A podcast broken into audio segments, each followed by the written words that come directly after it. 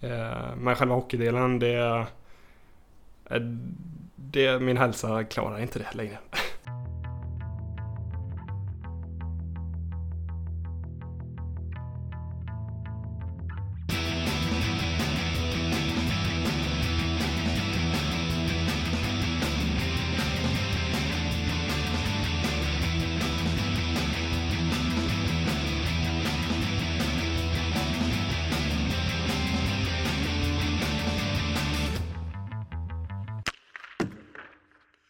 Hallå där! Välkomna till ett nytt Trash Talk det här avsnittet åkte jag som heter Micke Mjörnberg till Skövde för att spela in och jag och målvakten Robin Wallin, eller vi kanske ska säga ex-målvakten Robin Wallin eh, Ja, vi satte oss på en inglasad veranda som var så varm att vi var tvungna att ta en konstpaus mitt i för att vi höll på att svettas sönder och samman. Så varmt var det, men ett snack det blev det och vi ska försöka bland en hel del annat försöka reda ut om Robin Wallins karriär egentligen var en motgångskarriär. Eh, efter detta, ja då har vi naturligtvis en bonus på Patreon också för det är ju så att alla som stöttar podden med några riksdaler i månaden får bonusmaterial, får bonuspoddar under säsongens gång. Och bonusmaterialet den här veckan, ja det är Robin Wallin som eh, plockar fram de fem, eller ja det blir faktiskt sex målvakter som har inspirerat honom mest genom karriären. Han snackar om att bli ignorerad av sin stora idol, om damage control på Twitter och en hel del annat spännande. Gå in på eh, Patreon.com, sök efter Mjörnbergs Trash Talk så står det precis hur man gör för att stötta podden och ta del av bonusmaterialet. Men nu ska vi släppa loss det här avsnittet. Jag hoppas att ni ska få en trevlig lyssning. Idag har jag hittat hela vägen ner till Skövde, sitter på en inglasad tjusig balkong där man nästan kan titta hela vägen till Billingehov om man hade varit vänd åt andra hållet. Eh, hemma hos eh, ex-målvakten Robin Wallin, får man väl säga. Tack så mycket, kul att vara här. Ja, kul att få Välkommen hit. hit kanske snarare. Ja, det, ja. ja, jag känner mig väldigt välkomnad här. eh, bra sommardag. Jag har drabbats av road rage på vägen hit. Det var filer som hade blivit bussfiler, det var broöppningar, det var vägarbeten. Jag tänkte det, drabbas du av road rage någon gång? Eh, ja, eh, lite för ofta kanske för min flickväns eh, hälsa, jag säga. Men eh, jag brukar kunna hålla mig ganska lugn och hålla det inom mig ändå. Jag tänker det att det borde vara som målvakter måste man vara lugn, man måste vara avslappnad, man måste kunna ta sig an motgångar och konstiga situationer. Då kanske man kan hantera trafiken också, men uppenbarligen inte. man får ju ge utlopp i de kanalerna när man kan istället då, för att kompensera liksom. Ja, precis. Du gör dig av med all eh, sån eh, mentalitet. Lite så. Just bakom ratten då. Men här bredvid Billingehov. Eh, ska vi ta den, dra det plåstret direkt kanske? 27 år gammal, karriären är över. Eh, känner du någon liksom bitterhet när du sitter här och tittar och nästan kan se taket på ishallen? Ja, alltså det tycker jag väl. Det, jag tycker det är väldigt tråkigt att det var tvungen att avslutas på de premisser som det blev. Eh, alla har ju önskat liksom att kunna avsluta ja, av egen vilja eller man ska säga att nu är det nog. Eh, men eh, Nej, det är surt. Har du landat i det? Ja, men det har jag ändå gjort. Eh, jag har ju fått tillfrågan lite tränaruppdrag och sånt där. Eh, och då kände jag väl först att jag vill hålla mig så borta, långt borta från ishallen som möjligt. Eh, för när jag kommer ner till ishallen och känner att jag är tränare och jag inte, vill inte ut och lira liksom. Då, då är det moget. Och det, det tycker jag väl att jag är nu.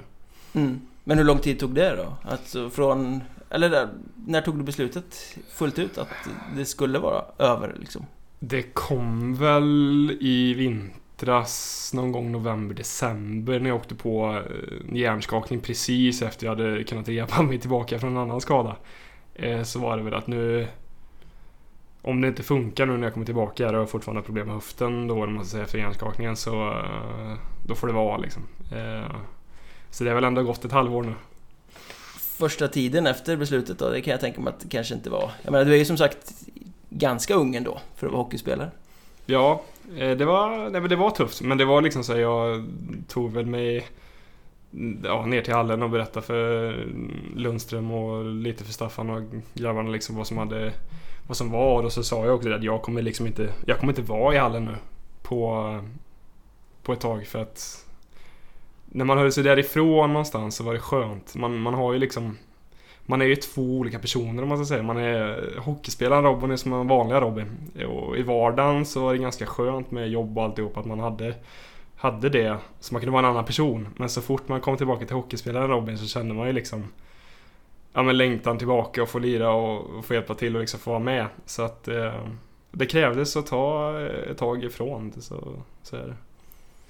Tror du att det kommer börja kittla nu då när det blir... När det börjar närma sig höst? Och, eller liksom laget samlas i slutet på juli, början på augusti. Det är egentligen första gången som du inte är med på det.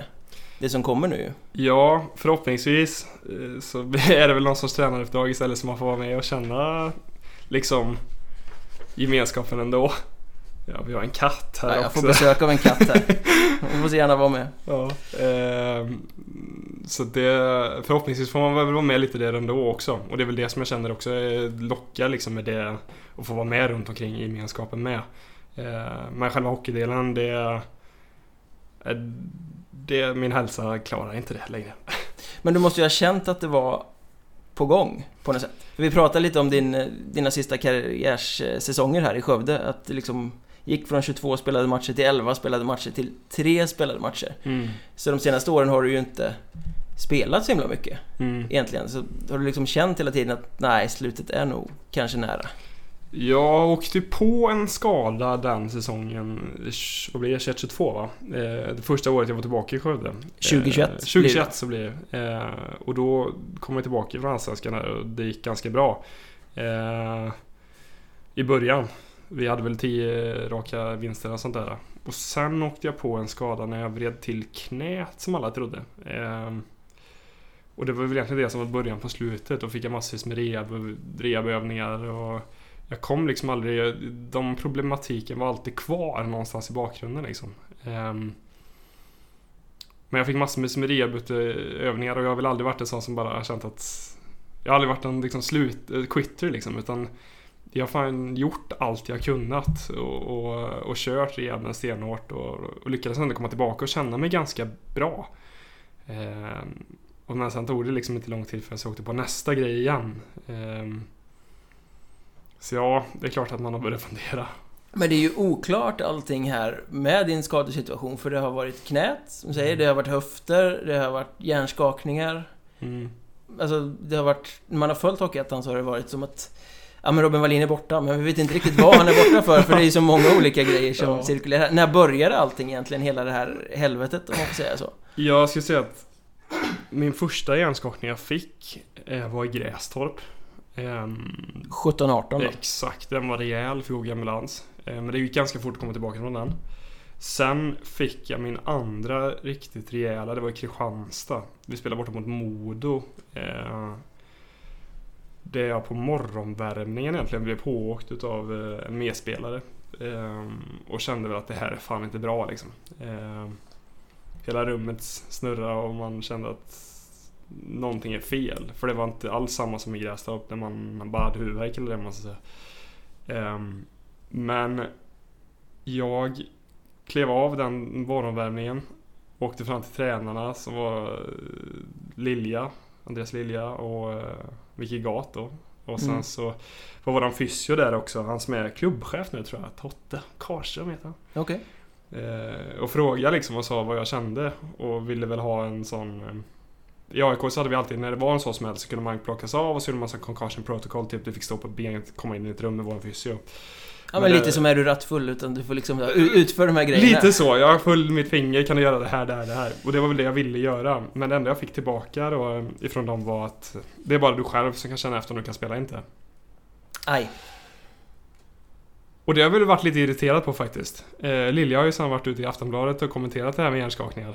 Och det var han som sa det. Och jag känner lite att... Ja, fan.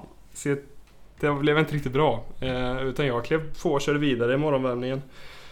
Eh, åkte till hotellet sen efteråt.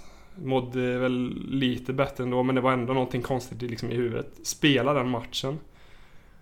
Det var ganska fullsatt eh, den matchen för det var um, damerna hade gjort någonting, någon avtackning för massa kända damspelare och sånt. Men jag kommer ihåg att det kändes bara som att man var i en bubbla liksom. Man, man kände ingenting utanpå.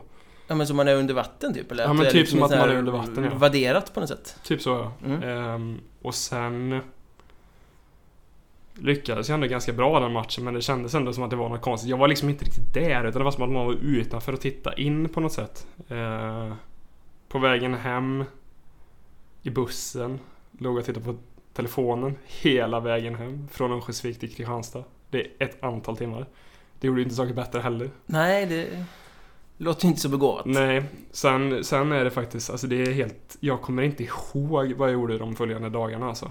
Eh, jag bara kommer ihåg att jag vaknade upp och så ska vi spela mot Västerås. Och jag, när jag vaknar efter min så här, nap innan matchen då, så hela rummet bara, det bara snurrar alltihopa. Och jag då kände då gick det till fysen att alltså jag har nog fan åkt på en hjärnskakning. Och detta är kanske fyra dagar efter vi spelat den innan matchen innan. Och jag kommer inte ihåg vad fan jag gjorde de två dagarna alltså. Tre dagarna som var emellan. Nej. Det, det är lite läskigt. Och det tog mig ungefär, ja men... Det tog mig ganska lång tid tills jag blev bra ifrån den här hjärnskakningen. Eh, då gick jag till AIK därefter. Jag hade fått specialisthjälp eh, ganska länge. Eh, Ja, för du spelade bara totalt sju matcher för Kristianstad Precis. den säsongen. För Ja. att det var en lång stund som du var bara på sidlinjen så att säga. mm. Och det var... Jag kunde inte göra någonting. Jag låg i ett mörkt rum i alltså tre månader och sådär. Det var hemskt. Tills jag fick lite specialisthjälp uppe i Stockholm då. Eh, ganska häftiga grejer faktiskt. Låt höra. Det är... Det första man gör när man kommer upp där så kollar, sitter man och tittar på typ en datorskärm. Och så dyker det upp massa planeter och grejer. Och så ska man titta på olika saker och så ska man blinka. Och så är det en kamera som mäter ögonen, hur de rör sig. Och då ska man kunna identifiera vilken del av huvudet eller hjärnan som är skadad då. Och då får man rehabövningar Ja, okej. för Som- hjärnan. Som innebär... Då är det olika sätt man ska titta och använda ögonen på. Det fanns ett dataprogram, man skulle följa olika måltavlor, du skulle följa tummar och fingrar och göra massa olika grejer med händerna typ och använda ögonen då för att träna upp det. Eh, och det var rätt sjukt för att efter man har gjort en sån session så det, det var som att du fick liksom, alltså träningsverk i huvudet. Hur känns det?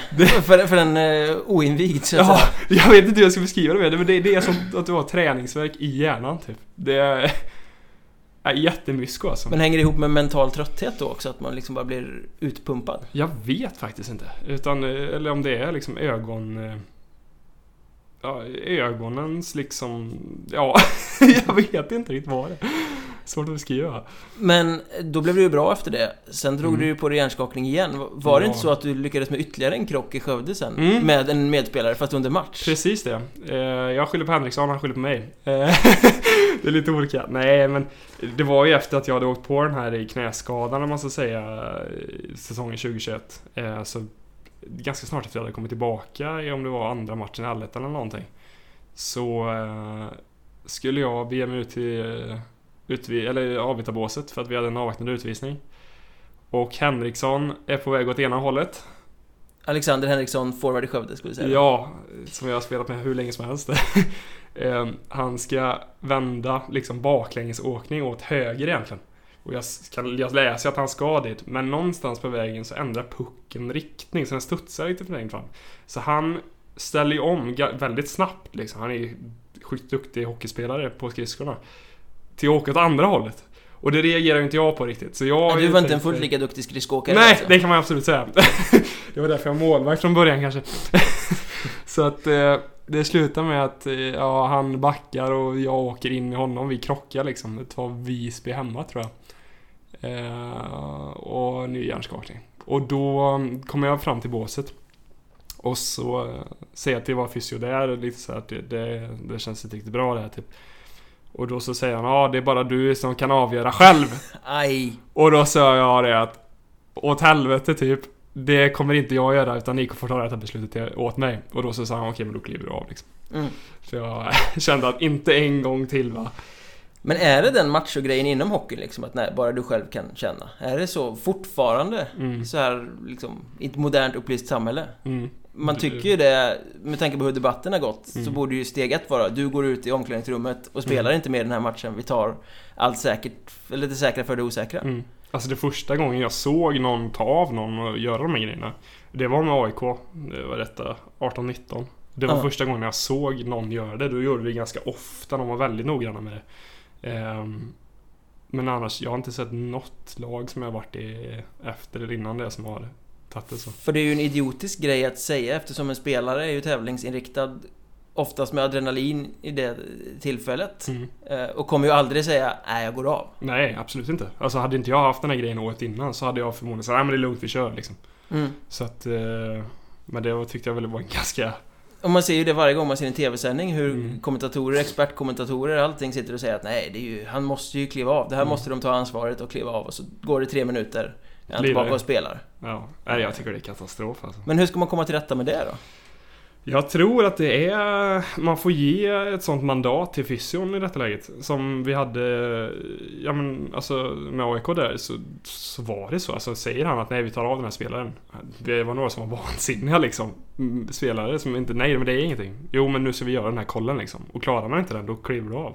Mm. Och det var väl kanske kom från tränaren eh, i, i första hand liksom att du har det här mandatet. Är det någon så då tar vi av han. Liksom. Men med tanke på hur diskussionen går i hockeyn i största allmänhet och hur liksom, hjärnskakningsproblematiken Mm. är välkänd. Borde inte det mandatet finnas hos alla redan?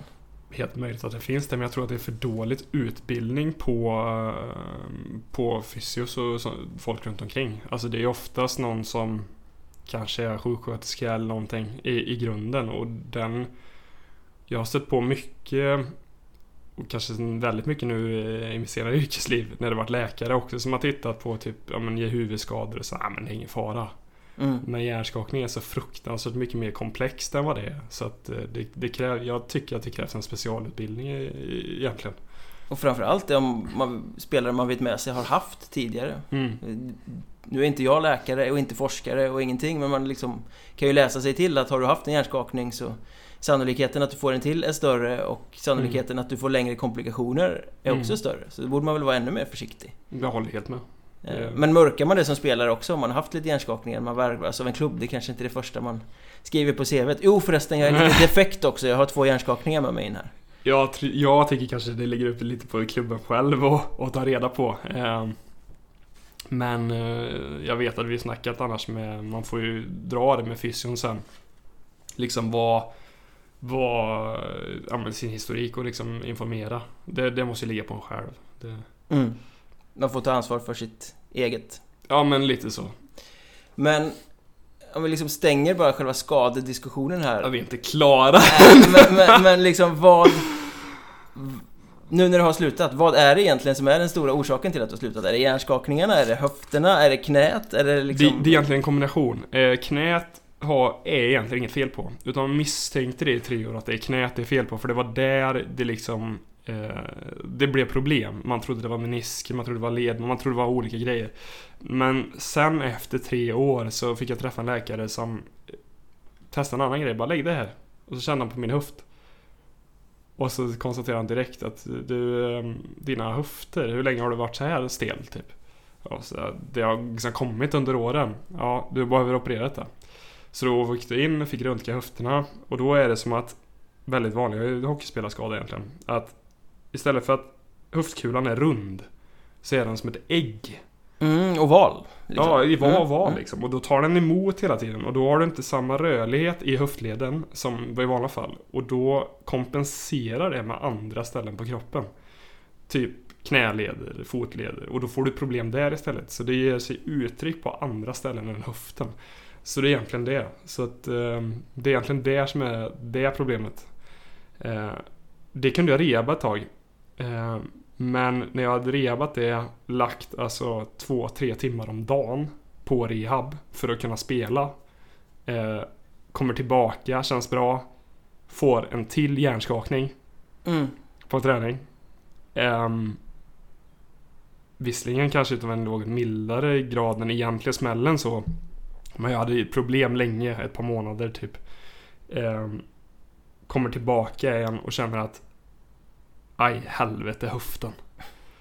Då var jag såhär... Nej. Eh, Nu är det nog. ja, lite så. Men hur så, många hjärnskakningar är det totalt? Ja, vad blir det då? En, två, ja fyra, fem stycken. Ja. Och så har jag väl kanske inte kunnat rehaba det på rätt sätt. Eh, och det har ju tagit sig... Uttryck nu på slutet också. Ehm, jag har ju sen, jag vet att mina föräldrar har alltid haft dålig syn så jag har liksom kollat upp det eh, väldigt, väldigt tidigt. Man hittar ett, ett fel, inte jättegrovt fel. Eh, Mm. Alltså detta måste varit i 20-åldern ungefär. Men alltid när jag varit hos optiker och sen dess följt upp det en gång om året i princip och kollat upp det liksom. Så, så har jag sett bättre än vad jag kun, ska se liksom. De har varit såhär, va? Ser du så bra? Ja. Eh, så jag har aldrig haft några problem med det. Förrän efter den sista smällen. Huvudvärken tog inte slut, jag hade trötta ögon hela tiden. Åkte in till optiken och då skiljer det sig så i, i, liksom i synen att jag ser inte lika bra alls som jag gjorde precis innan. Eh, så då fick jag glasögon. och sen när jag fick på mig glasögonen så gick det över på alltså en vecka ja, så det var liksom den här huvudvärken av att ögonen hela tiden kompenserade. Exakt. Och då var det också så här att det, i och med att jag haft det här synsfelet så länge och aldrig haft något problem med det och så efter den sista smällen så säger de att då orkar inte hjärnan längre korrigera bilden. Och då blir det lite så här wake up call. Aha! Nu har jag liksom en konsekvens utav alla smällar. Då är det nog fan bra. Mm. Men om vi sammanfattar karriären här då liksom och, och tittar på den. Du har ju varit i Allsvenskan eh, och du framstår, liksom när man pratar med dig, har alltid gjort i alla år som en väldigt positiv och, och framåt person sådär. Som att du är ganska nöjd ändå. Sådär. Men tittar man på din karriär eh, du får ju tycka att jag är oförskämd nu, men jag skulle ju liksom vilja beskriva den som en motgångskarriär ändå. Ja, om man det- tänker på alla skador, om man tänker på att du egentligen bara har en enda säsong som superuttalad detta i Mariestad där 15, Mm. 16 eller 16, 17 eller vad det kan ha varit. Hur det alltid, så fort du har varit på din topp eh, så har det kommit någon annan och varit bättre eller det har varit omständigheter som har gjort att du har liksom hamnat på sidan. Ja, Ja. men liksom om du Någonting. sammanfattar karriären, är det en motgångskarriär eller hur ska man se det? Alltså jag har väl alltid varit en ganska positiv person så. Eh, så jag har liksom aldrig sett det så. Jag har sett utmaningen och, och liksom tagit mig an den. Men jag vet när jag har pratat med, med folk i efterhand, typ ja, min, min mormor framför allt, som var såhär Du har sån otur Robin, hon. Du har sån otur jämt. Och då blev jag såhär, äh, fast så farligt är det inte. Och så tittar jag tillbaka, jo det har jag nog fan. Så att ja, det, det kan man nog säga. Alltså, haft väldigt mycket motgångar egentligen. Egentligen genom hela karriären. Men eh, hade jag sett det så så hade jag nog ändå inte fått göra det jag gjort. Eh, Nej. skulle jag säga. Men är du nöjd när du sammanfattar det? Blev det som det skulle?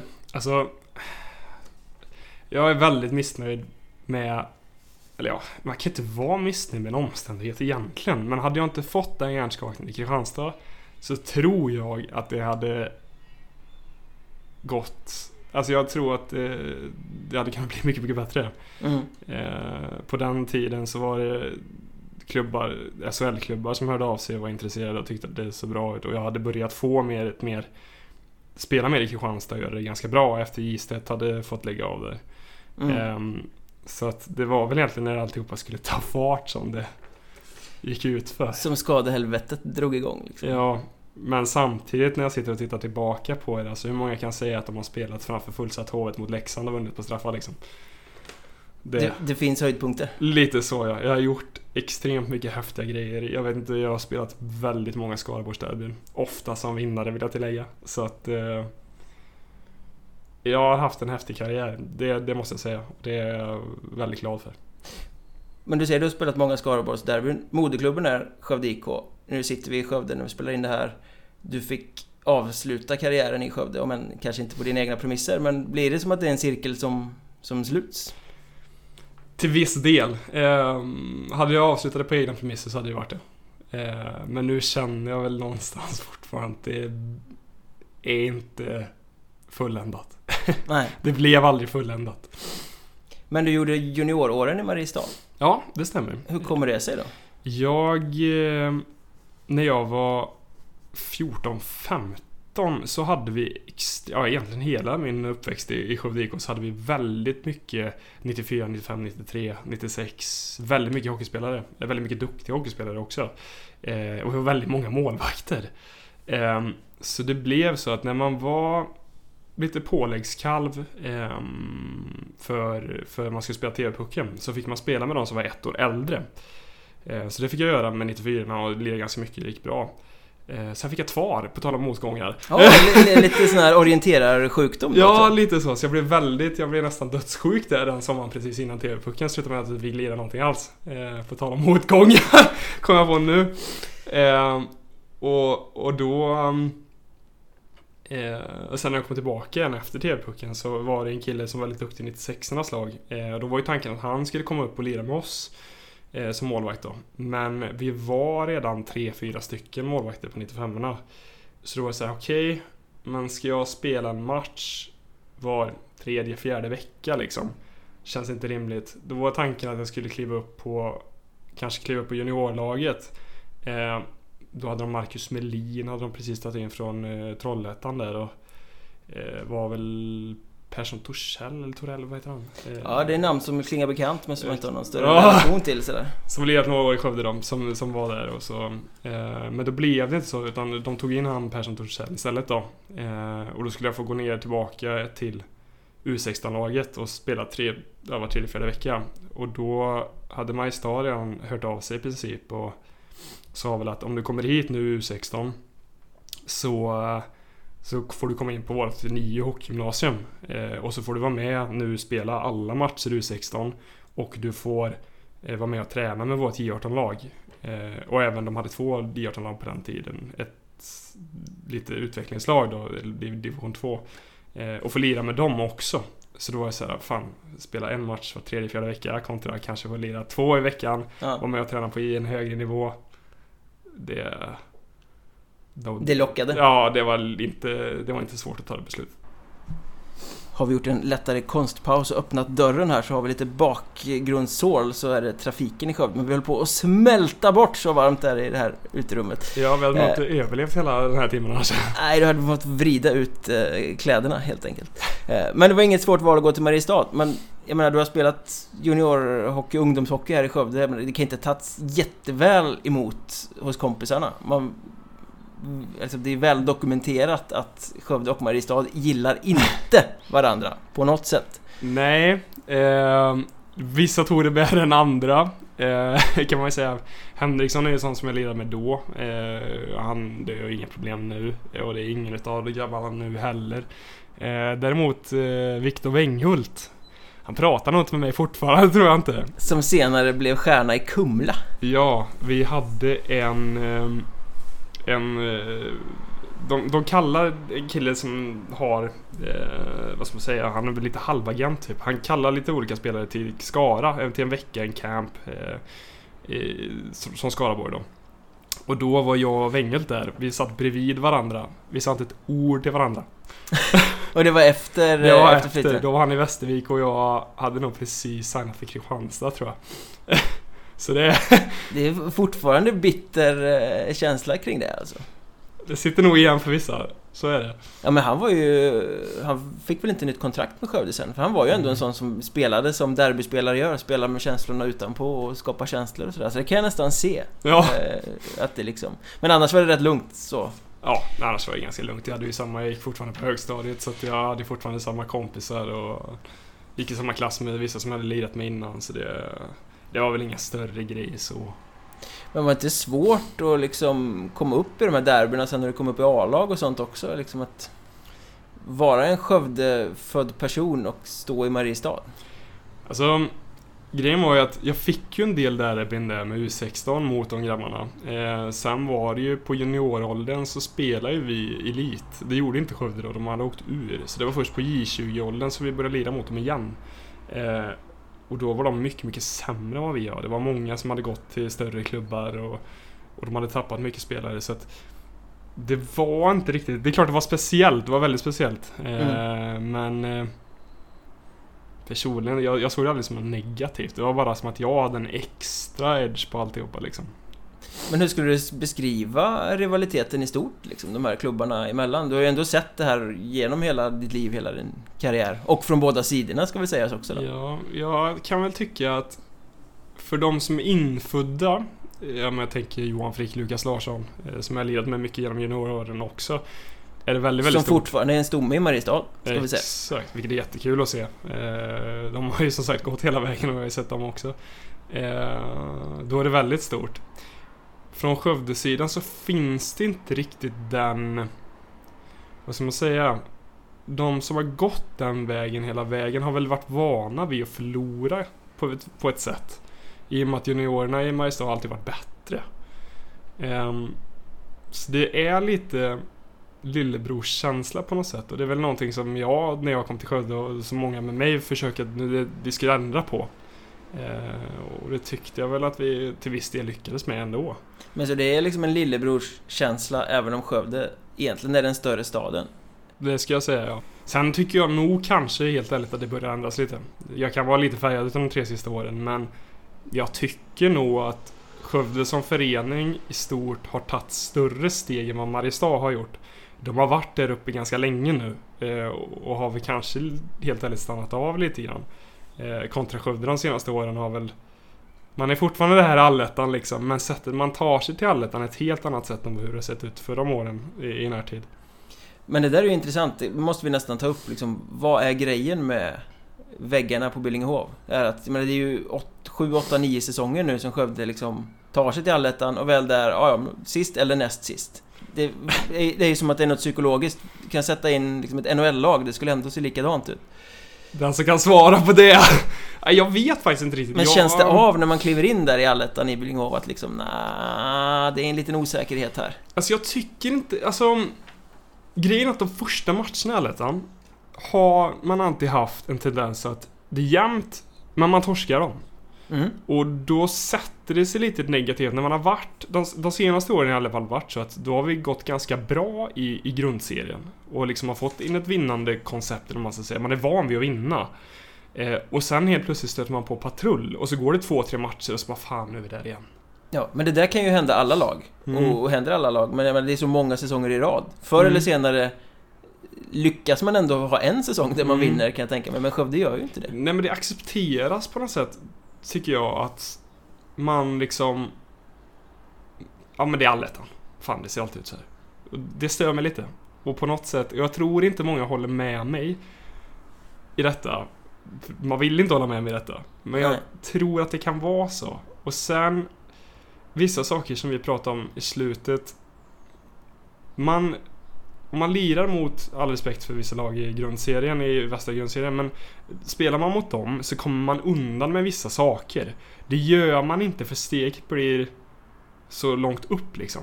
Mm. Om du förstår vad jag menar. Det är liksom, de här grejerna kommer du undan med X antal veckor. Förutom när du möter Mariestad, förutom när du möter ett visst Surahammar, förutom Lindlöven ibland.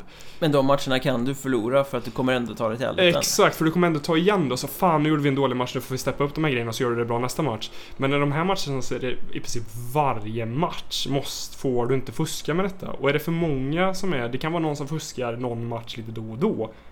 Men till slut blir det att, ja men då är det alltid någon som fuskar någon match. Och då går, det går inte. Men det är ju kulturellt i föreningen då ju. För att det är ju olika trupper olika år. Mm. Eller är det så att... Ja, men om man jämför Mariestad och Skövde då, vi tar det exemplet eftersom Mm. det ändå är rivaliserande klubbar. Att karaktärsspelarna, trotjänarna i Mariestad, är det liksom starkare spelare än vad Skövde har haft på den typen av positioner?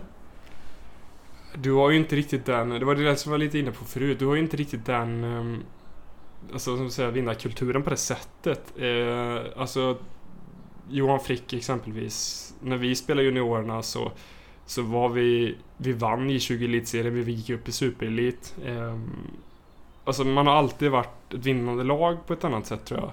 De andra killarna som kommer in från Skövde, många är ju fostrade, eller är från Skövde, men många har varit, ja men Emanuelsson har varit i Frölunda, Henriksson i, ja men Nordamerika ja, i. Nordamerika och lite sådär.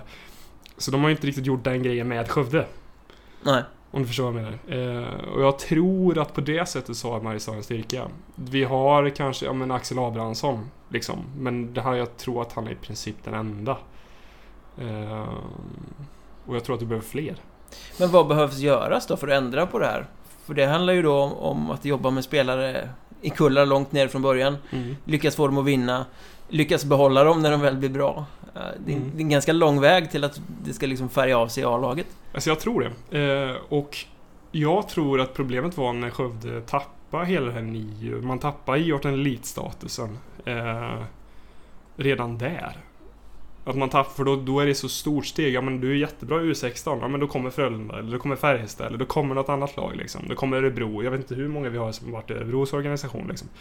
Eh, Men det borde ju gälla Mariestad också. Om du är tillräckligt Ja. bra så vill du ju gå NIU i ett, eh, en SHL-förening snarare än i Mariestad. Ja, men det... Alltså jag tror fan det kan vara lite annorlunda alltså. Jag tänker en sån som, nu la han av i och för sig, men typ Oliver Rosell. Mm. Som jag vet hade anbud ifrån flera SHL-klubbar att gå till. Stanna kvar. Tyckte jag var jätteduktig mål, var jättelovande. Sen var det annat som gjorde att han var tvungen att lägga av. Men, men sådana grejer liksom. Sen... Sen det har man väl varit lagom bra i Mariestad tänker jag. Alltså det har varit många som varit duktiga men inte så bra. Typ, ja men du har haft alltid typ Kollbergarna och de här som har stuckit ut. Men de andra har varit... mm, bra men eh, inte toppbra. Ja men exakt så. Men är det skillnad på mentalitet också? Eh, liksom Mariestad, mindre ort, kanske lite mer patriotiskt. Det finns ju många runt om som, eh, ska inte jag lägga orden eller försöka beskriva den här stan, men det är många som ibland pratar om Skövde som en liksom en liten ort som vill vara en storstad eller att man har mentaliteten att man kanske är lite större än vad man är. Det är möjligt att man skulle kunna... Jag har aldrig känt av det så, men det är möjligt att det skulle kunna vara så att man är så ah, Mariestad, skitsamma om vi torskar mot dem, vi är ändå bra. Alltså, Ja. den typ, eh, kontra i Mariestad, det... Man kanske, man kanske blöder för det mera. Eh, det är mycket möjligt att det är så. Ja, men jag menar, tittar man på Mariestad så är det ju många utifrån också som har kommit in. Tittar Mm. på Tobias Sandberg och Jesper Lindén och Tobias Aronsson, jag menar spelare som kommer dit, inte borde vara där för att de är alldeles för bra, men ändå stannar kvar för att det finns någon form av trivsel. Mm. Och det tycker jag är lite intressant faktiskt. För att när jag var där, det var, det, det var Törnqvist liksom. Eh, det var väl han, Pontus och de här. Det var de som höll ihop allt detta.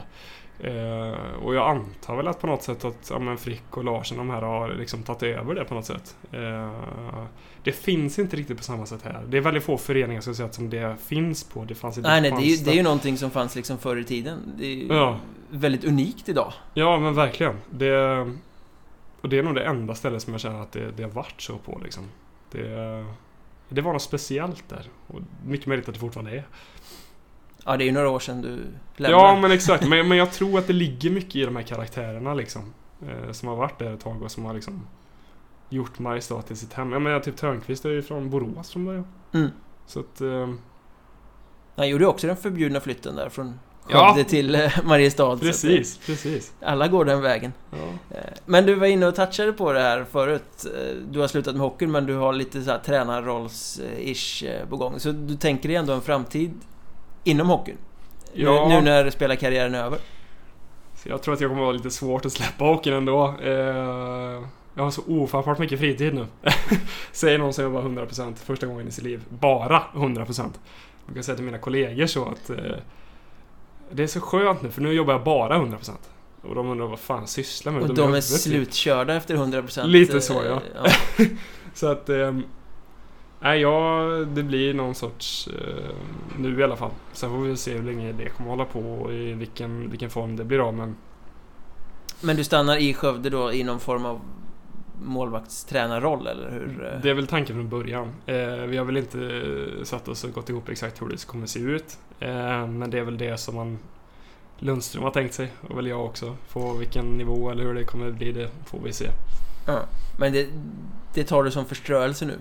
Ta det som det kommer, känna dig för lite? Det är inte så att det ligger en masterplan i botten där att nej men om fem år så ska jag vara tränare och ta över Grästorp? liksom. Nej, nej, nej, nej. Det är, eh, det är målvakterna jag vill jobba med. Det finns något, det är något speciellt med liksom den, den sammanhållningen liksom. Som man har som ett målvaktsteam med en målvaktstränare. Eh, sen tycker jag det är jättehäftigt att se ja, men typ när en sån som Staffan kommer in och allt han kan och, och vilken nivåskillnad det blir när du får in en tränare som har den kunskapen alltså. Staffan Lund snackar vi då. Exakt. Det tror jag också kommer kunna hjälpa Skövde framåt och utvecklas från att ha de här grejerna. För han, ställer han har en helt annan kravställning än vad som har funnits tidigare. Mm. Man ursäktar sig inte när man förlorar. Nej, och just de här grejerna som han pratar om. ja, Men där har du det misstaget. Liksom. Det är det vi torskar på idag. Ja, men då lyser vi upp den. Dö. Det här är fan inte okej. Det funkar inte på den här nivån liksom. Men sen ska ju alla vara med. Det var någon som sa det till mig att det viktigaste är att det är inte fel på den du är, det är fel på det du gör. Mm. Det är en väldigt pedagogisk distinktion som kan Ja. vara svår att få fram. Ja, det är verkligen... Så måste man förhålla sig till all kritik. Eh, och det är väl det som... Det har någonstans gjort att jag har kommit dit jag har kommit också. Och det är väl det som jag vill... Om man får en spelare som fattar det, då tror jag man kan komma hur långt som helst. Ja men rent, bara för att exemplifiera. Eh, när du kom upp i Mariestad och stod i A-laget där så var du ju ganska, eh, ja men bra. En talangfull målvakt. Alla var överens om att du släppte returerna rakt ut i banan. Kunde du ta, ta in det då, de säsongerna? Det kunde jag inte. Eh, jag lärde mig svinmycket från att gå ifrån Mariestad och lite fatta att man är inte störst, bäst och vackrast. Fan. Ja men när Arvid kom, Ljung, eh, så eh, gjorde det svinbra. Men jag trodde ju fortfarande, men jag var ju första för det hade jag varit året innan och så. Och jag kunde ju liksom inte köpa det riktigt för jag spelade fortfarande riktigt bra hockey. Ja, vi kanske ska sätta det lite i perspektiv. Vi befinner oss, eh, vad är det, säsongen 16-17 va? Ja, något sånt där då. Eh, när du har varit första målvakt säsongen innan, går in i eh, nya säsongen som första målvakt. Arvid Ljung, värvad från Töreboda eller något sånt där. Mm. Division 2-klubb, no name, som ingen har hört talas om. som ska vara backup. Du gör en grym grundserie. Missar någon match i allettan, han kliver in, står på huvudet, tar över första spaden fullständigt. Och ingen kan egentligen säga någonting för att han spelade ju som en gud där liksom. Ja. Eh, och det var väl det jag var inne på lite som eh, motgångskarriär där också, för där var ju du också bra. Det var ju ingen snack om att du var grym i grundserien. Så kommer han att vara ännu bättre liksom. Mhm. Du kunde inte ta det, hur... Ja men... Vad gjorde du åt det då liksom? Ja men det, där var jag den här spelaren som man absolut inte vill ha. Ja men fan jag... Även på match har jag alltid varit så, men fan då är det laget först liksom. Jag kommer hjälpa laget allt vad jag kan. Jag kommer inte sitta där och gnälla och, alltså, så här, och, på att man inte får lira. Men eh, efter varje träning, efter varje uttagning. Vi var inne till Helmersson på den tiden, Karl Helmersson. Som var tränare och så här, varför får inte jag det för? Vad, vad är det för fel? Alltså vad ska jag göra för att bli... Alltså, och han sa till slut så här, rakt ut, men alltså... Du gör det bra, men Arvid är bättre. Vad ska jag säga? Mm. Typ? Och då blev det så här. Och då blev jag grinig för vad fan. Jag ville kunna påverka mitt eget liksom. Men jag lärde mig så jävla mycket där. Att det är så mycket mer liksom i, i, i sporten. Än bara vad man själv gör. Skaffade du dig självinsikt? Ja, men det tycker jag. Eh, för året efteråt när jag kom till Grästorp. Ja, hamnade i Grästorp på alla ställen. Jättetrevligt ställe så, men det var ju helt annan nivå på, på coaching och, och lagkamrater. Liksom, och det var inte alls samma kravställning. Det var jag och Adam Schultz då. Just det. Jag skulle väl kanske säga helt ärligt att det var vi två som höll upp det laget. Alltså, eller ja, vi åkte ändå ur men annars hade det sett värre ut. Eh, Mm. Då fick man någon sorts inställning på hur fan ja, men hur det är på andra ställen, vilken liksom nivå det ändå är. Mm. Och, Men om vi håller oss kvar i Mariestad då, bara en kort. Vad gjorde det med din relation till Arvid Ljung där då? Det var faktiskt inga problem. Eh, jag och Arvid, Arvid bodde ju här och pluggade här i Skövde. Så vi pendlade till eh, fram och tillbaka varje dag. Så vi pratade om allt. Alltså var jag missnöjd med att jag inte fick lira, då sa jag till Arvid och han sa att han förstod. Alltså vi hade den diskussionen. För det var ju så ju likadant ut i grundserien, fast åt andra hållet. Ja. För då var det han som var less på att inte han fick lira. Fast han hanterade det på ett mycket, mycket bättre sätt än vad jag gjorde. Eh, så. Och då pratade vi om det på vägen. Alltså så här, om misstag som du gjorde och han eller jag gjorde och han gjorde och sådär. Så att vi, vi hade en jättebra relation och fortfarande har. Ja. Så det, det blev lite den där, det är inte fel på dig, det är fel det du gör. Och det du gör det är att du spelar för bra, så att inte jag får spela. Ja, ja, ja. Eh, nej men så det... eh, jag lärde mig svinmycket och just att kunna liksom acceptera det. För någonstans växte det ändå in i att jag accepterade det. För vi tog oss till Playoff 3. Aldrig varit så långt på många, många, många år då, Mariestad. Eh, så att... Eh, man, man fattar det på ett annat sätt. Men du valde ändå att gå till Grästorp sen, eller hur var det? Det var Mm. du som bröt med Mariestad, inte de som bröt med dig? Eller Det var var väl i princip ömsesidigt. Jag tror ju att eh, Helmersson hade väl rapporterat av hur jag, alltså... Hur du tog petningen? Ja, men jag Ja. tror det. Och då kände väl de att okej, men då kommer vi liksom inte längre. Utan det finns någon sorts schism, schism, schism heter det? Schism. Schism. Ja, på där liksom. Så det är ingen idé. eh, Ja, men det, det var risk att fortsätta med det. Och då jag kände också att jag var klar. Fan, nu vill jag ha något nytt liksom. Eh, Ja. Så att... ehm, då blev det Grästorp. Jag ville inte till Grästorp från början. Eh, min agent övertalade mig att det blir bra. Ja. Eh, och det var bra för min utveckling, men det var ett jävligt tufft år. Men jag kan tänka mig det, för ni vann ju ingenting. Ni var ju klappkast. Det måste ju göra någonting med psyket att Mm. stå där och rädda puckar, men ändå så bara förlorar man Mm. match efter match efter match. Mm. Och sen åkte ni ur som Mm. liksom icing on the cake där också. Mm. Alltså, Det var jävligt tufft. Ehm, sen hade jag ganska bra statistik. Alltså räddningsprocentmässigt under den säsongen. I början så låg jag topp i, i ligan liksom. Men vi förlorade matcher. Jag tror vi vann mot HA 74, typ räddade 40 puckar. Alltså, så här. och de Bra. var ju inte heller någon eh, höjdare klubb. kan man Nej men exakt, de åkte också ur. Eh, så att det, det var jäkligt tufft men det lärde man sig lite också. Ja men hur det vara på det sidan för det har jag, där hade jag aldrig varit förut. Utan jag hade bara varit i vinnande lag liksom. Mm. Så att eh, också jäkla lärdom att vara utspelade och liksom krävas. Förut hade, i Mariestad kunde man göra misstag. Vi vann ändå. Vi hade något derby i Skövde, jag var klappkass. Eller mot Skövde i Mariestad, vi var klappkass. Vi vann med så här 5-4. Mm. Men det, det funkar inte då. Då måste man stå på huvudet. Ja. Men ska man säga att du hittade dig själv där då, de här åren? Ja, det... Alltså 16, 17, 17, 18 där. När Mm. du fick motgång i Mariestad och släpp, liksom förlorade i Grästorp och... Mm. Ja, men det tycker jag. Eh, och sen framförallt kanske flytten till Stockholm. Ja, för vad händer där egentligen? Det är ju jätteologisk hela den eh, flytten, om man bara ser det på pappret. Du har säkert en jättebra historia bakom hur det blev som det blev, men du har spenderat hela karriären i Skaraborg. Mm. Mariestad, Skövde, Grästorp. Du har en säsong när ni bara har förlorat och förlorat och förlorat i ett lag som åker ur. Och sen helt plötsligt så värvas du till Väsby, som ju... De är, var inte då vad de är nu, förvisso, men det var ju ändå ett av Vi- liksom, topplagen i Hockeyettan Östra. Det var det året som vi satte, skulle jag vilja säga, grunden till det som de är nu. Mm. Ehm, för det var Tom Ternström kom in som sportchef. Eh, jag har extrem respekt för den mannen. Han är superduktig på det han gör. Förmodligen alltså, överlägset bäst i ettan. Lätt. Han skulle lätt kunna vara i Allsvenskan. Han har väl haft anbud också. till det också, Ja, kan ju sägas. ja, jag förstår inte varför inte AIK tog han, helt ärligt. Ehm, ja, min agent hörde av sig och sa ja, Väsby är intresserade. Va? Väsby? Ja, kan du lösa boende i Stockholm?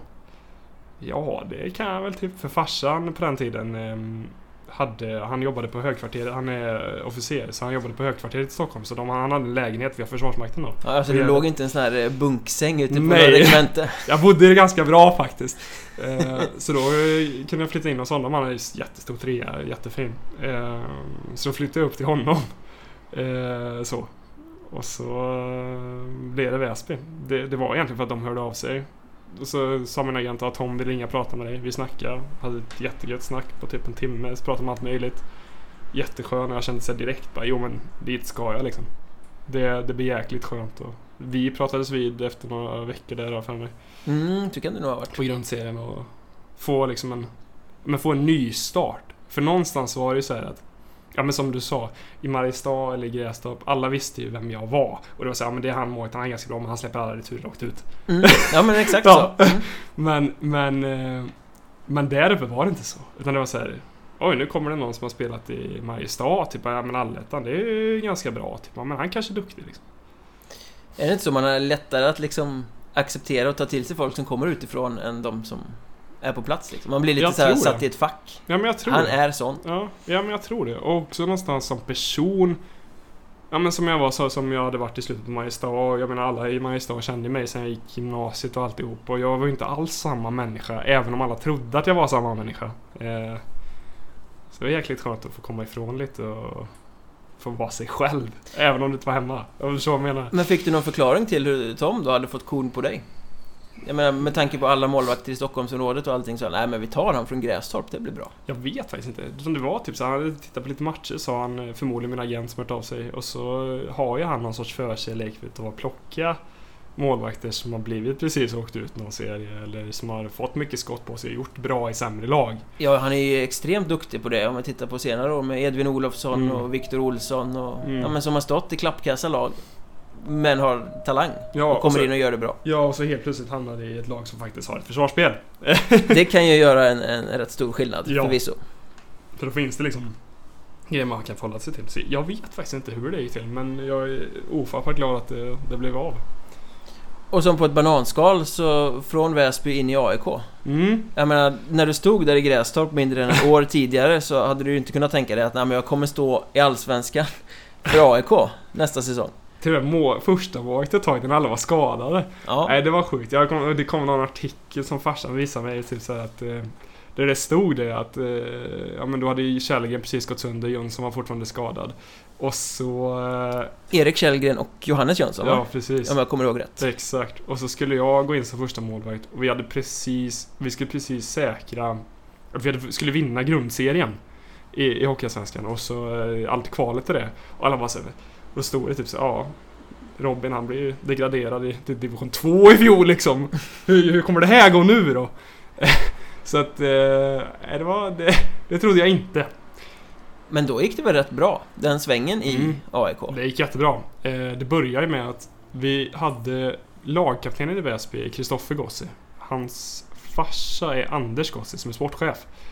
Var Eh, sportchef. var nu är sportchef, han väl precis. tillbaka i klubben som någon junior Så kan eh, eller något. Han var en sväng som assisterande i Hanviken i fjol. Ja, så kan det säkert vara. Jag har tappat allt i det. Eh, då spelar vi... För grundserien i Väsby gick jättebra.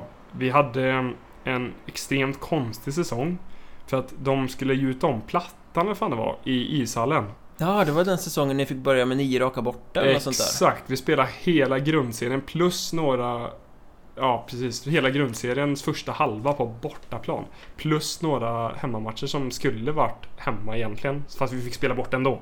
Och jag kommer ihåg, det var någon ranking utav någon viss expert där som satte oss som årets flopp.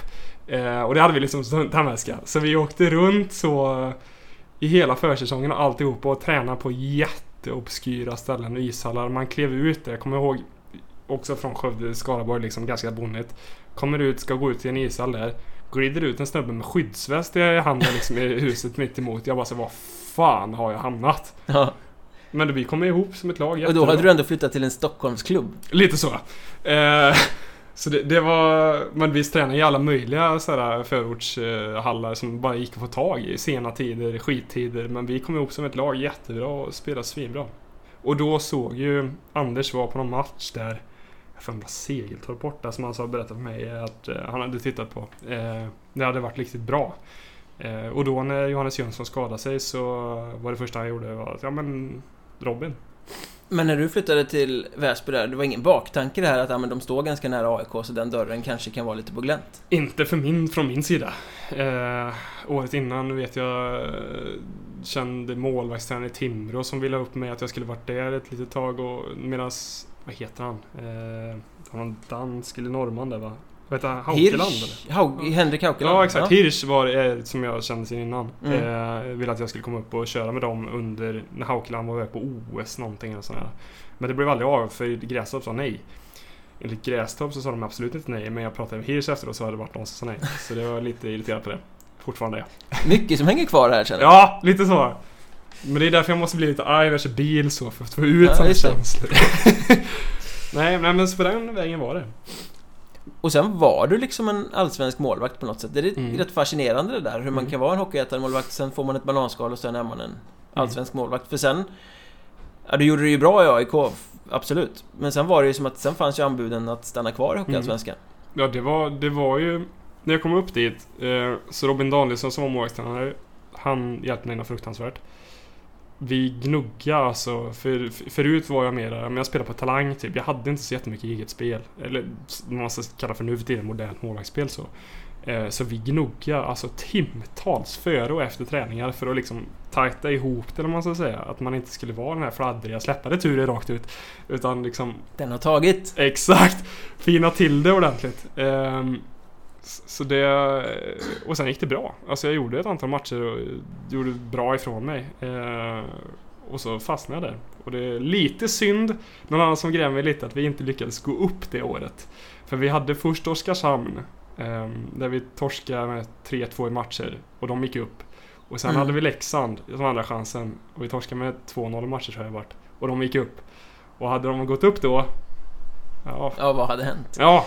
Men, men det var aldrig på tal att du skulle vara kvar i AIK sen? För det eh, blev ju Kristianstad året därpå sen. Mm, jag ville jättegärna vara kvar.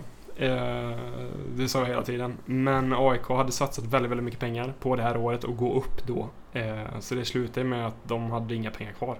Så de var tvungna att släppa alla. De släppte hela tränarstaben och släppte nästan alla spelare. Och så kom det upp en kille från J20, August Hedlund. Just det. Eh, som de valde att gå på istället då för mig då. Men jag tänker det hade ju kunnat vara du och August Hedlund då. Det hade ju kunnat liksom... Du var ju ändå inte tillräckligt etablerad i Allsvenskan för att kunna kräva någon sorts Mm. monsterlön. Så du borde ju ha varit en ganska billig lösning. Ja, Även i en sån nysatsning. Johannes Jönsson hade kontrakt två år till. Så jag tror att det är därför. Där klämde det. Exakt. Du var dyrare än en J20-kille alltså. Ja, ja, förmodligen det. Och sen så var det även, eh, vad heter han, Jussi Salo va? Eh, tränaren ja. Exakt. Som tog över där efteråt. Han hade ju haft Agge i, i, i 20 där. Så jag antar att han ville ha upp någon egen lirare också. Det fattar jag. Han känner inte med. Och han kommer ju ha Hedlund i Vallentuna i år igen också. Ja, Så att eh, folk följs åt. ja, ja men det brukar vara så. Eh, Men Kristianstad då, det blev sådär. Vi pratade om skadorna förut. Mm. Men rent spelmässigt, var var du som bäst egentligen? I karriären? Jag tror i Kristianstad helt ärligt. Jag hade... När jag kom in där så var jag väldigt... Det var väldigt svårt.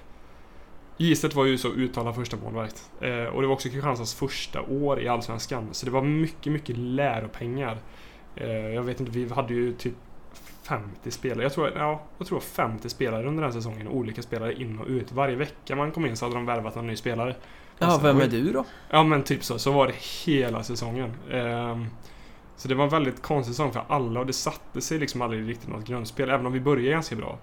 Men sen när Giset skadade sig så hade väl jag kommit in i, ja men nytt ställe, ny utrustningstillverkare framförallt. Det gör faktiskt skillnad. Är det så? Ja, jag hade alltid spelat med CCM eller Reebok-grejer innan och så blev det Warrior. Eh, så det var jäkla omställning. Och, Men bygger det då på vad klubben har för avtal? Eller Exakt. så man har ingenting att säga till om? Nej, du har ingenting att säga till om överhuvudtaget. Om du inte är världens special special. Det var inte jag. nej, nej, okej. Jag var de kom från ettan liksom. Du, ta det här. Var glad. Se glad ut typ. Du får lira. Ja. eh, så, så då spelade jag faktiskt ja, men förmodligen min bästa hockey där flera matcher. Eh, vi vann bland annat mot Arvid Ljung. Nej, vi torskade fan på straffar då. Ja, mot med Karlskrona där precis. Eh, och det var väl då också det gick riktigt bra. Hade lite ja, men, klubbar från SHL som hörde av sig som var så här, ja, så här skulle du kunna komma upp och provträna med oss eller så. Eh, och det var då nästa skada hände. ja, just det. Hjärnskakningen. Den större. Och medan du var borta med den större hjärnskakningen så passade de på att värva Christian Engstrand. Ja, precis när jag skulle komma tillbaka. Så eh, gjorde de klart med Engstrand. Vad kände du då? Ah, fuck. Lite så. Ja, för han var ju ganska het då. Ja, det var han verkligen. Eh, men då var det också så att de som hjälpte mig med, med hjärnskakningen där uppe, det, det företaget, de eh, var även AIKs klubbdoktor. Så att jag jobbar ju mycket med, med samma fysio som jag hade haft året innan, så jag kände de här ganska väl. Eh, och de rapporterade väl av till, ja, men till Gossi i princip kan jag tänka mig att, att det att det funkar bra, att det ser bra ut liksom. Eh, Samt som min agent också. Och då blev det ganska naturligt att komma tillbaka till AIK. Men det blev bara två matcher. Ja, eh, och även om det kanske i huvudet var bra så var kroppen inte alls bra efter den tiden. Så de matcherna, jag kom inte upp i nivå. Alltså det var inte jag. Då hade jag inte lirat på tre månader typ. Men. Och efter det så vände du då tillbaka till Skövde där karriären Mm. sen har tagit slut. Men kändes det som ett steg tillbaka eller så här, ett misslyckande då när du fick eh, gå, kliva tillbaka till Hockeyettan? För då hade du ändå varit, vad blir det? Två. En och en halv Ja. säsong i alla fall i Allsvenskan. Ja, och nästan två. Jag var inte jättelänge i Väsby innan jag blev... Eh, fick gå till AIK där.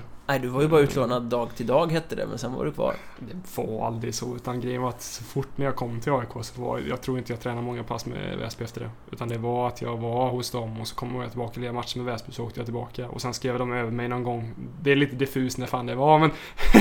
eh, så det var, jag var där i princip hela tiden. Ja. Nej men jag... Hemflytten kom ganska naturligt. För att den säsongen, den sista säsongen, kom i covid. Eh, Och jag hade lite anbud. För jag, först och främst ville jag stanna kvar i Allsvenskan men det var ingen som ville ha mig, det fattar jag med. Liksom. Nej, om man tittar på sista AIK-svängen där. Ja, För, först borta exakt. tre månader i Kristianstad och sen spelar du två matcher med 83 i räddningsprocent. Två, två förluster och 4,47 mål insläppta i snitt per match. Ja, det lärde äh, du du, säljer inte dig själv med den eh, raden. Nej, det var ganska dålig marknadsföring så. um, vilket var lite tråkigt för den uh, kvalserien har varit rätt rolig. Då hade det varit Väsby, Mariestad, Kristianstad, AIK då. Ja, det var ju lite snack om det. Jag tror vi skrev artiklar om det till och med, att det var på väg att bli Robin Wallin-serien. Ja, du var i AIK, och sen var det bara klubbar som du hade spelat i. Ja, Hur hade det varit? det hade varit speciellt tror jag. Det, det hade nog till och med varit svårt. Eh, det hade varit en utmaning. Men... ehm, Ja, nej, men så då ville jag ju först vara kvar i Allsvenskan. Men eh, det fanns ju ingenting som sagt och eh, då var det lite tal om utomlands. Då hade jag ett lag i italienska Alperna. Som hade jävligt roligt. Men italienska Alperna, precis när covid bröt ut. Nej, det var inte så kul för de som Kul. var där. Ja, halvkul. Så det kände jag ju någonstans att nej. Plus att min då, dåvarande flickvän ville, låg på mig att hon ville att jag skulle flytta hem helt enkelt. Eh, Hon orkar inte med ja, det här livet längre liksom. Kapp 6-livet. Ja men lite så. Och eh, distans väldigt, väldigt länge. Så då, då tog jag men, kontrakten med Lundström typ och sa ja men vad fan. Vill du ha mig typ? Jag spelar nästan gratis. Det är lugnt. och det gjorde jag. Eh, så. Men var det ett nedköp? Ja, det är klart. Alltså på nivåmässigt så var det väl det. Samtidigt så var det någonstans att jag kände att jag hade väldigt mycket mer att ge. Eh, och jag kände att det vore jäkligt roligt att göra det i Skövde. För att det finns alla sorters med faciliteter, eh, liksom möjligheter och, och, och publik, möjligheter och, och spela Allsvenskan här. Och det var väl det som var liksom mitt mål att nu ska vi lyfta Skövde till nästa nivå liksom. Hade du liksom ett oavslutat arbete kändes det som med tanke på att du aldrig hade spelat A-lagshockey utan lämnat lite sådär. Snarare kanske att jag hade dessutom. någonting att, snarare kanske att jag hade någonting att, att bevisa. Alltså jag kände väl typ att ja, men alla mina kompisar retade mig ju hela tiden liksom att jag gick till Mariestad och sådär och att det aldrig var något riktigt. Så jag ville väl hem och så visa alla som släkt, familj, vänner, alla att alla supportrar också att titta vad ni missar någonstans också liksom. Ehm, för det är ju någonstans så, det är inte många målvakter från Skövde som har varit på högre nivå än vad jag har varit. Nej. Det, och det... Det är lite skrämmande någonstans också. Nej men de målvakterna som man förknippar med Skövde och spelar bra i Skövde, det är ju sådana som har kommit utifrån. Mm. Magnus Åkerlund, Mm. Niklas Dyrén. Ja, det är väl de två som Mm. poppar upp i mitt huvud. Ja men det är ju det. Alltså det är ju nästan... Jag, jag tror inte det har inte varit någon målvakt från Skövde som har spelat... Jag tror inte det är någon som har spelat längre upp än vad jag har varit. Några som har spelat utomlands. Peter Andersson var väl i Allsvenskan med Ja. Växjö va? Funderar på om det är han som har varit det. Och sen vart han utomlands. Mm, någon sån här eh, Nordic Vikings i Kina eller något sånt där. Ja, exakt. Men han nu är vi långt aldrig- tillbaka i tiden så ja, att... Eh, Han vann aldrig Allsvenskan. Om man nu kan jämföra att man gjorde det som två andra slash tredje målvakt men... ja, var med i truppen i alla fall. Ja. Men hur, skillnaden i nivån då liksom? När du kommer tillbaka från Mm. Hockeyallsvenskan, kommer in i Skövde, då gör du ju faktiskt en bra höst får man väl säga. Mm. Innan... Eh, Innan skadehelvetet. ja, precis. Men hur stor är egentligen skillnaden? Jag skulle säga att det är det jag brukar säga till, till, till grabbar också som är så yngre. Att varje nivåskillnad, det är inte så att det går snabbare per se. Folk åker inte snabbare skridskor liksom. Utan det är att nästa situation händer mycket snabbare på den som tidigare vart Så kommer det ett skott och det blir en retur, så kommer den returen betydligt mycket fortare. Det är ingen som ska ta emot pucken, tänka, skjuta. Exakt, utan alla har liksom tänkt sig det innan. Och det är väl på samma sätt upp till SHL med. Att det, och där är det ännu mer att folk är mycket smartare. De ligger många, många fler steg i förväg liksom. Och det var väl lite svårt i början, för någonstans låg man själv i det förläget. Mm. Så man kunde liksom ja, men ligga före i princip. Eh, men jag, visst, jag trodde jag visste vad som skulle ske. För så var det alltid då. Eh, men då kunde det bli att ja, men det stannade upp lite. Och så gjorde den här personen något helt annat. Och då var du ur position. Och då var jag, så, då var jag väck liksom. Så det tog ett tag innan man anpassade sig till att komma tillbaka till nivån och kunde liksom dra fördel utav det. Eh, måste jag säga. Mm. Men Ja, det blev eh, tre säsonger på pappret men eh, det är ju matcher för en säsong ungefär. Ja. Eh, handfull. Du nämnde att du gjorde det här vid sidan av 100% jobb. Mm. Jag tänker det är väl värt att nämna också för att du flyttar tillbaka till Skövde, utbildar dig, jobbar inom kriminalvården. Mm. Det är ju ett lite oortodoxt yrke hos hockeyspelare som antingen jobbar på bank eller på lager om man ska vara, eller i skola, skola. om man ska generalisera. Ja. Um, hur hamnar du där liksom? Du jobbar på en uh, ja, högklassanstalt eller vad man mm. kallar det? Klass 1-anstalt. Det är högsta säkerhetsklassning i Sverige. Vi Eh, det började så att jag hade en kompis, två kompisar faktiskt, barnkompisar. Några av dem som mobbade mig för att jag spelade Mariestad. Eh, som hamnade på anstalt och så? Ja, exakt. Som jobbade där. Och sen sa typ att... Eh, ja, fan du ska inte komma hit då. För grejen är så här. Många hockeyspelare, de flesta, de stämplar på sommaren. Alltså kontrakten nya går ifrån augusti till liksom till mars, april, vart man nu är, skulle avsluta någonstans. Ja, det brukar väl vara åtta månader eh, ungefär. Och så då, lägger man på en månad om det blir slutspel. Ja, och då har du liksom ingenting på sommaren utan då stämplar folk för att ja, de vill träna och lägga ner den tiden. Det köper jag. Men jag har alltid varit sån att jag vill jobba liksom, jag vill göra rätt för mig någonstans. Eh, och även har man ju också sett att en karriär i bakfickan är kanske ganska bra att ha ett CV liksom.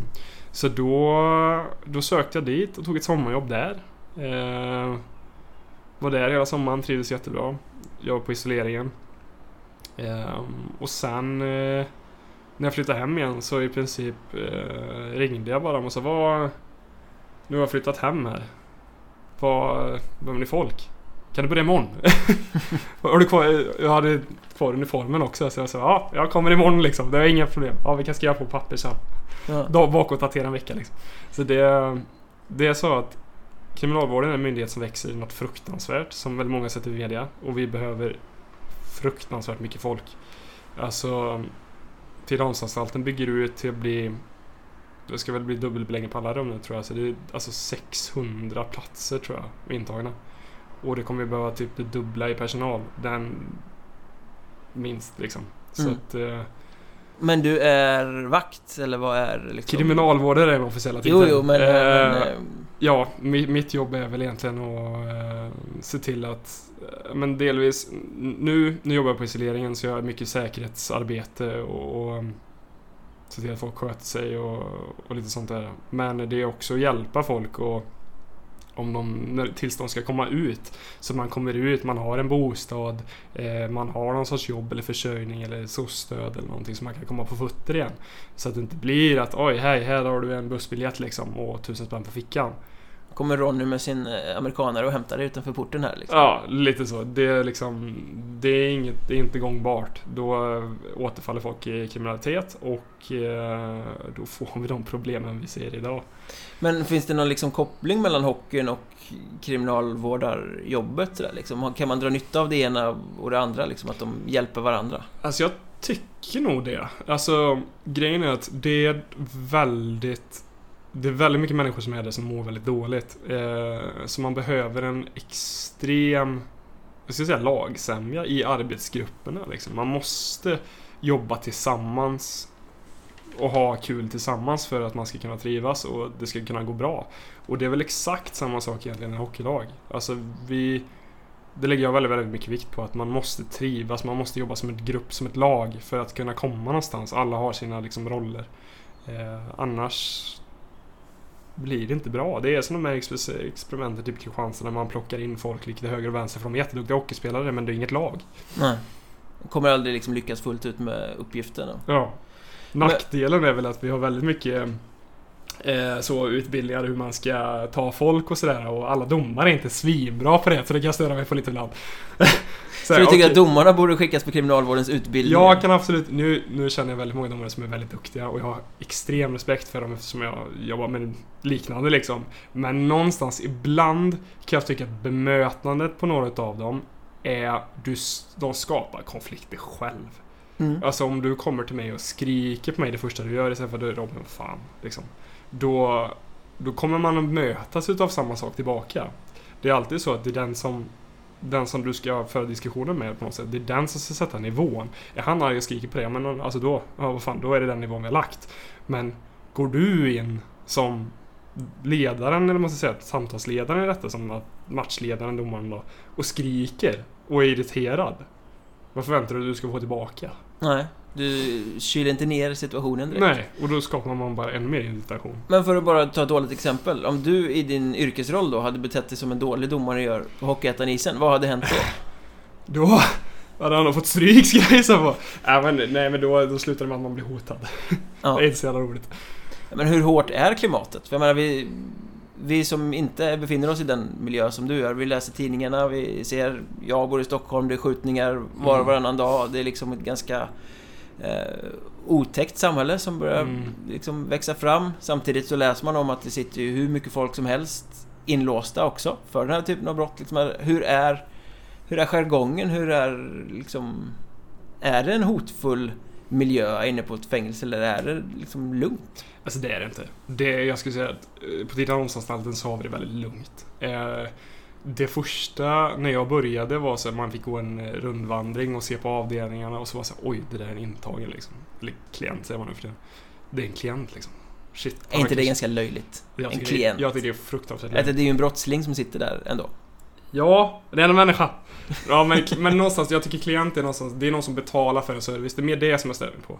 En klient är en advokat har betalat för. Ja, eh, ja liksom- men, jo, men för en advokat kan jag hålla på att det är en Exakt. klient. Annars låter det som att det är ett hotell. Ja, men lite så. Han är och på det- rekreation här. Och också för deras del att, men fan jag vill inte sitta här, jag är ingen klient liksom. Jag betalar inte för att sitta här. Utan det är en intagen, det brukar säga, intagen. Ja. Ehm, ja men det är en intagen liksom. Fan, vad har han gjort? Han är han farlig liksom. Och så blir man så här, så är man jättestissig. Så är det första veckan tills man börjar inse att Ja, fast bakom de här kläderna så är det också en människa liksom. Men jag har suttit och spelat schack med liksom mördare. Alltså med folk som är gängkriminella. Alltså suttit och snackat skit, tagit en kaffe liksom. Det är mot personal så är det väldigt lite. Sen finns det mycket konflikter mellan intagna med olika grupper och gäng och grupperingar och sånt där. Så det, det händer ju att det blir slagsmål liksom mellan intagna. Men mot personal så är det väldigt lite. Mm. Men är det en viktig, liksom viktig sak för att kunna se samhället och sporten också? Att ha det, det perspektivet med sig? Jag tror det. Eh, någonstans har vi förlorat en match. Så förut så kunde man vara helt under isen liksom. Nu är det så här, ja, vi förlorar en match men de här grabbarna då? Mm. Alltså, det finns lite större saker i världen.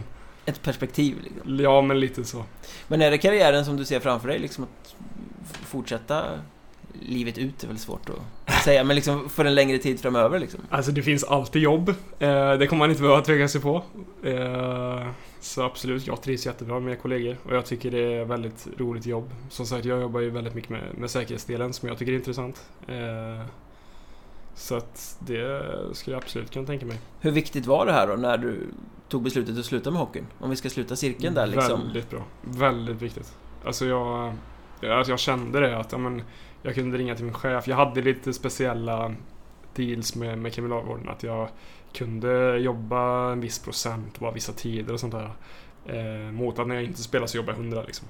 För att de behöver så mycket folk helt enkelt. Eh, så det var... Jag ringde, ringde till min chef dagen efter och sa att nu har jag lagt ner karriären. Vad... Vad kan vi göra? Ja, hur ser det ut och sådana. Ja, då fick jag i princip med befordring direkt. Okej, bra, kan du göra det här? Ja, så det... Det är jätteskönt. Men det där måste ju kunna ställa till situationer. Om du ska åka på match till exempel, eller du kanske inte jobbade matchdagar sig. Det var ju det jag fick göra. exempel. Det var ju ganska mycket... Det var ju ganska mycket grejer nu så att i och med att man har ett så viktigt yrke. Det var ett antal gånger jag kom lite sent till... Aldrig till träning, men till ja, men, samlingar inför träning. Till Ja, för det var det jag ville komma lite till. För jag menar, visst, du har arbetstider, men Mm. händer det någonting så kan ju inte du räcka upp handen och säga så här, ja men nu, nu är det bråk här i A-delen, så här, nej, nej, jag ska på träning, jag, Ja, jag måste dra. Så. Det funkar inte så. Nej, jag jag har ju haft något exempel. Det- Jag, jag har varit ansvarig på en landplats och så har man så här, ja nu ska vi sätta ihop ett eh, transportteam här för vi ska flytta någon till isoleringen. Och så är det någon som bara, va men eh, mina barn slutar dagis här nu så jag måste åka typ. Då är jag såhär, nej. Jag kan sympatisera med den känslan. Ja, men då kanske man säger nej. Det, när det händer någonting så är det det som går först. Liksom. Det är väl det som är med yrket. Liksom. Är det larm eller någonting, då släpper alla allting. Utan då, är det, då löser vi situationen. För det handlar ju också om liv. Liksom. Mm. Var har du varit hetast? På jobbet eller på eh, hockeyrinken? Heta som i Alltså hetast som i liksom temperament och, och så? mitt eget. Ja, Eh, alltså om du frågar mina medspelare så har jag ju slått sönder en och annan soptunna eller sånt där. Någon klubba rikt. Det är sånt ändå? inte- ja, det, det inte intrycket ser. gör du faktiskt inte. Nej. Du gör liksom ganska lugnt intryck på isen. Ja, och det var någonting som vi pratade om innan också. Och det är liksom såhär, på isen när man kör, då, då, då är det det liksom. Ute på i, liksom, i omklädningsrummet och visa känslor måste inte alltid vara fel om man, är, om man har en ledande roll, om man känner att man kan påverka på något sätt. Eh, bara man gör det på rätt sätt. Att man får med sig gruppen och inte sänker den. På jobbet tror jag att jag är mycket, eller jag vet att jag är mycket, mycket mer avslappnad och och det är ju en tjänstemin på liksom. Sen kan det koka rejält med vissa människor eh, intagna som kan gå hem på nerverna. Och det grövsta! Men, får där ju kanske liksom man inte löser situationen genom att slå sönder en soptunna. Nej, det gör man inte. Fel sätt. Det gör man inte. Man får eh, typ eh, blivit arg i trafiken sen. Men bortsett från trafiken då, var kommer du ta ut de här känslorna i höst, tror du? Visst, du är ledare i, i klubben på ett eller annat sätt, men alla, skulle jag vilja säga, hockeyspelare man pratar om, det är ju ändå ett utlopp för någonting att hålla på med sin Så är idrott. det. Så är det. Var tror du att det liksom kommer hamna? Men om, någonstans- det, om det nu ens handlar om ilska, om det handlar om energi, om det handlar om liksom... Det, är- det är precis det som lite som har hittat jobbet också. Alltså vi har ju ändå, även om det är mestadels lugnt och jag ska inte säga att det är ett farligt arbetsplats. Det kan hända grejer men det är ingen farlig arbetsplats per se liksom. Eh, så är det ändå när vi har larmsituationer, alltså vi har ju allvarliga situationer. Och det... Då får man lite utlopp för den här adrenalinkicken. Här, När jag hör larmet går och man ska ta sig till en larmplats och liksom hantera det. Om vi ska ja, behöva ta i någon intagning eller någonting. Alltså, där kommer ju det. Sen gör man ju det på ett professionellt sätt. Eh, det är klart.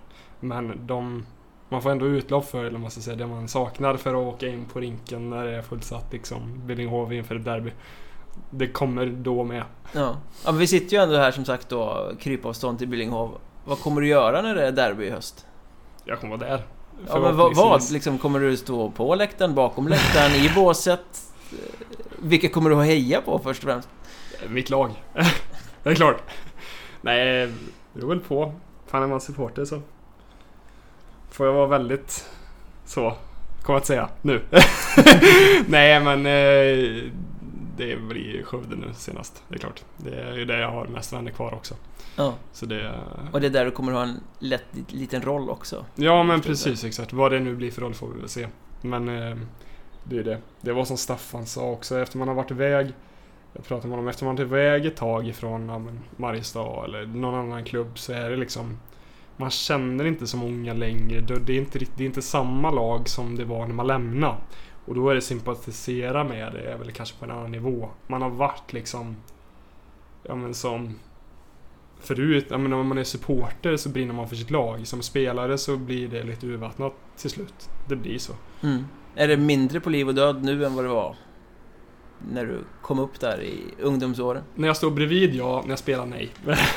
Det är samma, ja, när jag spelade exakt samma. Förmodligen lite värre. men med lite mer självinsikt och livserfarenhet. bara. ja, precis så. Jag vet vad, när jag kan ge utlopp för ilskan istället. Det blir spännande att se vart du tar vägen i livet härnäst då. Ja, Kul att du ville vara med. ja, tack så mycket för att vi fick vara med. Ja, det var det samtalet det. Vill ni komma i kontakt med mig är det lätt att skriva på Twitter. Där heter jag @mjornberg och poddens Twitterkonto är @mjornbergpodd. Finns också på Facebook och eh, Instagram om man tycker att det är roligare. Och nu ska vi dra vidare till Patreon för att snacka om målvakterna som verkligen har inspirerat Robin Wallin genom hans karriär. Jag utlovar några ganska sköna stories i den delen av snacket faktiskt. Annars hörs vi nästa vecka. Ha det så gött!